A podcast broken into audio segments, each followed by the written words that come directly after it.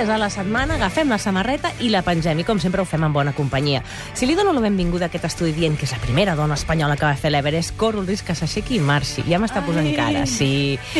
Perquè ella és una dona de matisos. Ser el primer no vol dir ni fer-ho millor, sinó que cal matisar les coses. I com a tal, aquesta etiqueta fins i tot a vegades pot ser, doncs, bueno, matisable.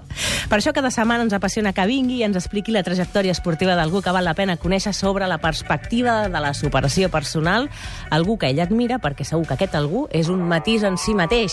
Araceli, bona, Bona tarda. tarda, com estàs? Escolta, Cada vegada, en cada, en cada programa em dones peu a algo, o no sé si és que jo t'ho sé veure i t'ho estiro, però això que has dit de ser el primer va també molt relacionat amb, Amb el nom d'avui. amb, amb les històries d'avui. Avui te'n porto dos. és que jo ho, confessaré cada dia. Jo no sé mai de què parla, a més no ho vull ni saber. És un joc, és, és un que és joc, més això. divertit Va, així. comença. A més, com que la setmana passada vam parlar d'un home, jo intentaré anar-ho anar-ho combinant una mica, no? Mhm. Per cert, que Homes, vam dones, rebre homes. molts correus electrònics al voltant de la biografia de Luis Samperini va causar realment... És que és, és, un, Uau. és un paio, a més, entranyable, eh? Recupereu el podcast, que el teniu al web de catradio.cat. Va, i avui qui posem? Doncs um, avui et porto dos dones, per això dic que ho aniré canviant, Mhm. perquè a vegades pensaran, és que només tiro cap al meu terreny, no?, de, de, del tema femení. No, el que passa que jo crec que, a més, amb les dones hi han coses...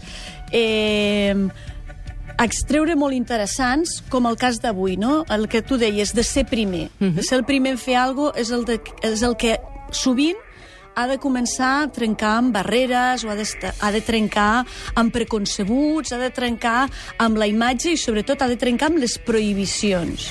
I avui parlarem de dues dones que han fet precisament això, no? Trencar dos prohibicions de dos esports eh, diferents. Dues, de dos esports Dos diferents. esports molt diferents. Ja es coneixen entre elles o no? No, no, no es No. coneixen entre elles perquè una va néixer el 1800 i l'altra va néixer el 1900. Home, És a dir, impossible. Una tindria ara mateix 123 anys, que t'estic parlant de l'Alfonsina Estrada. Et Ah, sona no, l'Alfonsina? no. Llavors, per què me fas ah? No, com perquè- si fos col·lega de tota la com- vida. no, perquè- És italiana, com la de la Ah, és setmana passada. He pensat que potser era catalana, pel nom. I he pensat, mira, juguem a casa. No, no, a casa encara no n'he... No sé si portaré ningú de casa. Bueno, ja, ja m'ho pensaré. Alfonsina I, Estrada, I va. la següent és la Catherine Swinter. La Caterina et sonarà quan te l'expliqui. Bueno, parlem primer de l'Alfonsina. Sí. L'Alfonsina, què va fer? Doncs va trencar amb el, amb el preconcebut o amb les barreres de les dones en el ciclisme. Mhm. Mm, a mi no m'agrada començar pel principi o donar-te el titular, però bueno, vaig a fer-ho, no? perquè m'agrada com explicar-ho i que et vagis trobant el, el que al final. Però et diré que l'Alfonsina va ser la primera dona que, i la última que va córrer al Giro d'Itàlia, però el Giro d'homes. Clar, ara et anava a dir jo, però hi havia dones que mai hi han participat en És a dir, aquesta prova? existeix un Giro d'Itàlia Sí, femení, sí, molt poc conegut, um, així molt apartat i, i poc valorat, però um, la història d'aquesta dona, diguéssim, el seu titular és aquest.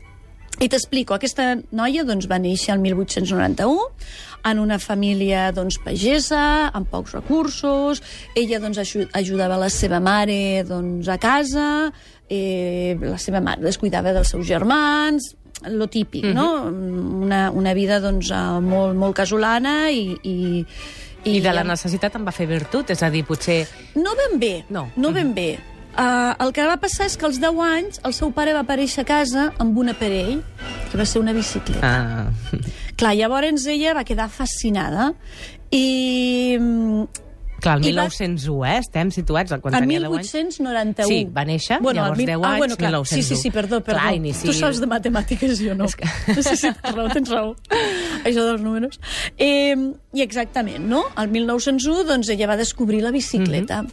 Llavors, eh, es va començar a aficionar no sé ben bé com, m'imagino que agafant-li la bicicleta al papa, i, i quan deia que se n'anava a l'església, doncs el que feia és, realment era anar-se'n als pobles de la vora a competir.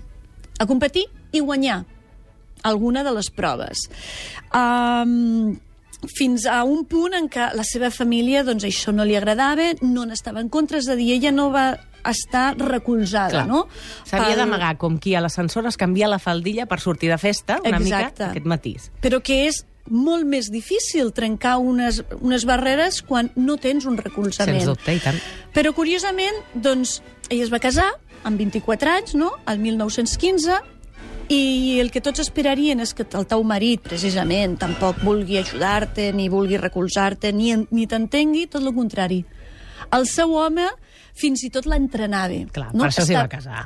Ja, però a vegades et Home, cases clar. amb una persona que, i més en aquella època, Clar, 1915, el context Que- és molt que- que- diferent. que no les tenia res a veure. Molt. Quedeu-vos amb aquest nom, Alfonsina Estrada, algú que va trencar barreres, que va En obrir pas sentit. i va participar al Giro d'Itàlia. Primer va començar participant, en, quan tenia 26 anys, el 1917, amb el Giro de Lombardia. Uh -huh.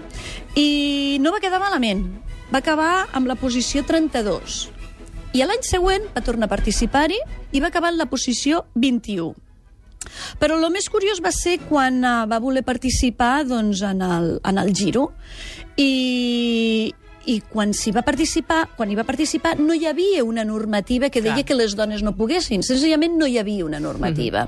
Però ella s'hi va apuntar eh, Simptomàtic, eh, d'altra banda. trencant completament els esquemes, perquè en aquella època, doncs, a part que les dones no corrien un giro, estava participant en un, en un giro només d'homes.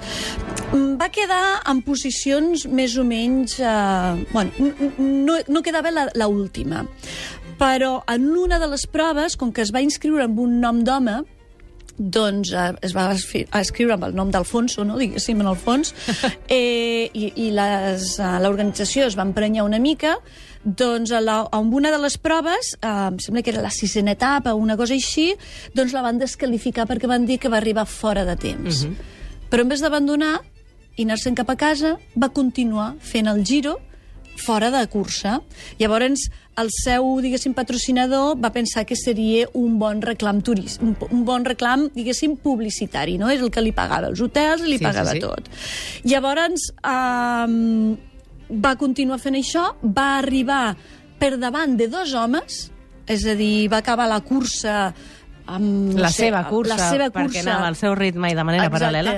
Que trist, perdó, que trist, eh? Sí, que és de una, mica, és una mica trista. Va acabar 28 hores darrere de, de, del, del guanyador, diguéssim. Mhm. Però, bueno, tot i així, va guanyar dos homes.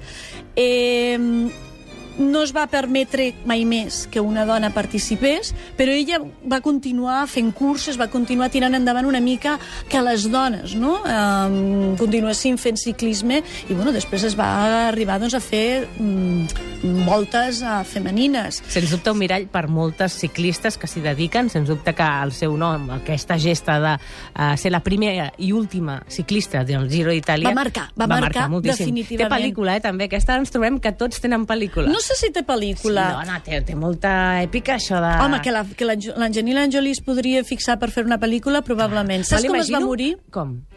Es va morir als 68 anys intentant arrencar la seva moto i se li va caure a sobre i la va esclafar. No puc.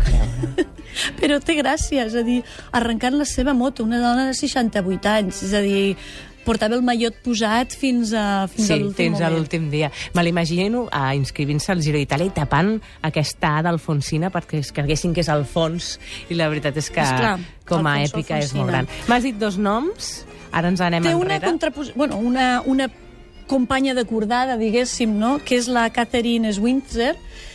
I la Catherine Swinzer no us sonarà molt el nom, però sí que us sonarà perquè va ser la primera dona que va participar en una marató. En la marató de Boston, l'any 67, amb el dorsal 261. Si voleu dir la vostra, ja ho sabeu, el 8 dies a la setmana tenim l'etiqueta 8 dies funcionant a través de Twitter i el correu electrònic a la vostra disposició. 8 dies arroba catradio.cat i també el 93201 7474 penjant la samarreta avui al costat de l'Araceli Sagarra.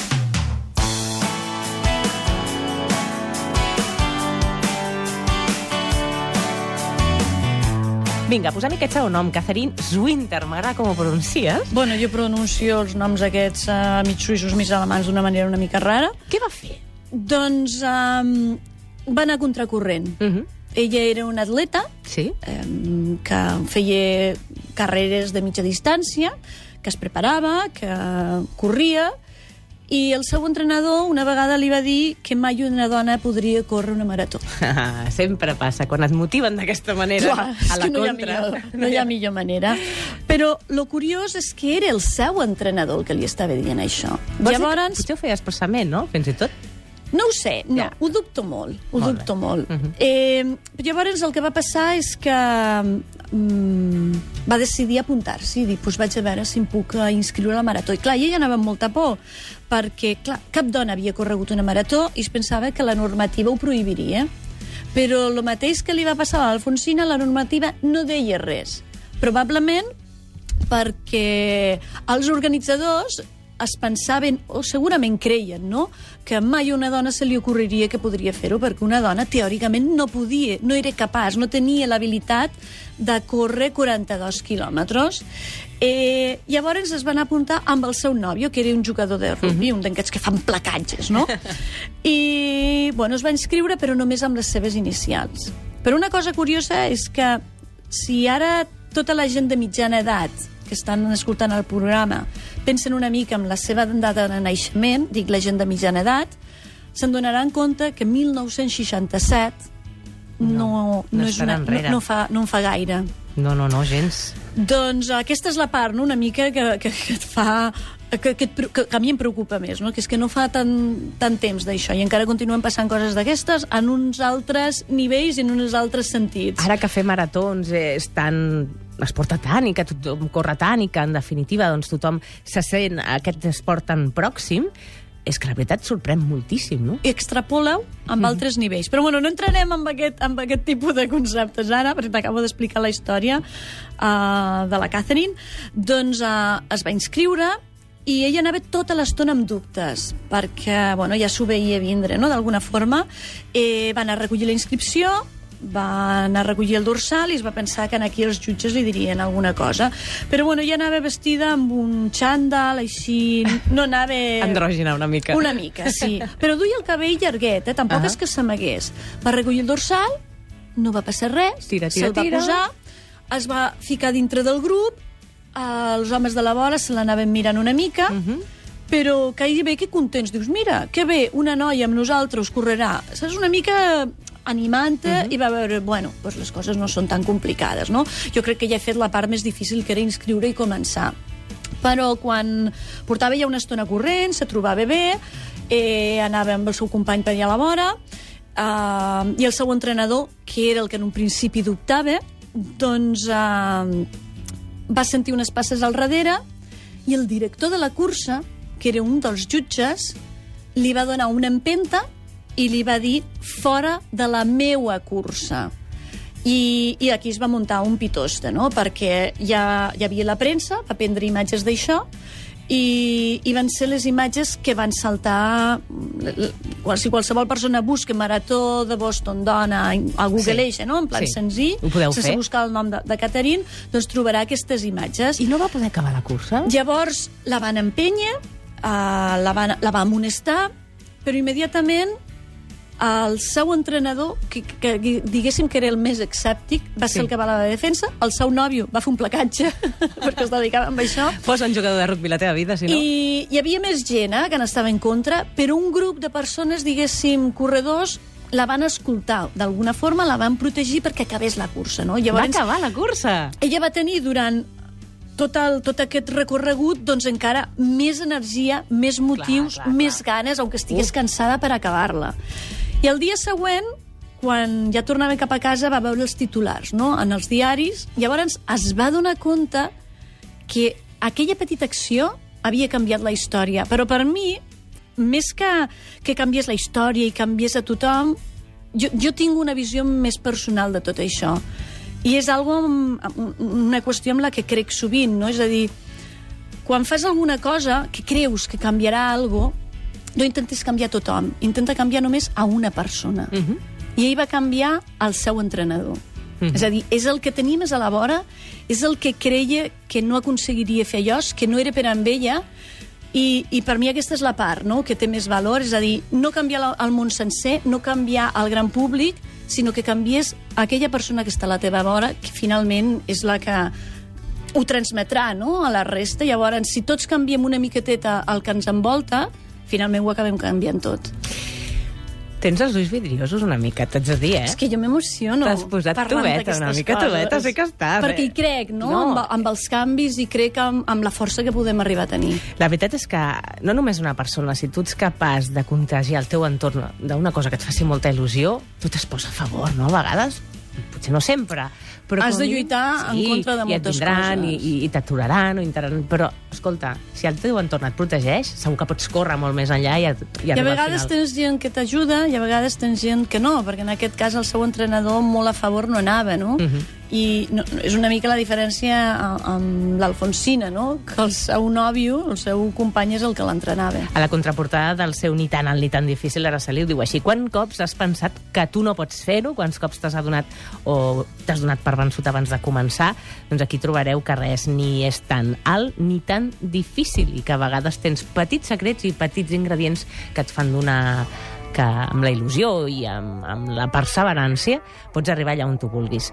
I si més no, intentar-ho, va, perquè tampoc podem dogmatitzar. Bueno, però el si fet més no, de, de provar-ho et porta a tenir la meitat de, del teu objectiu aconseguit.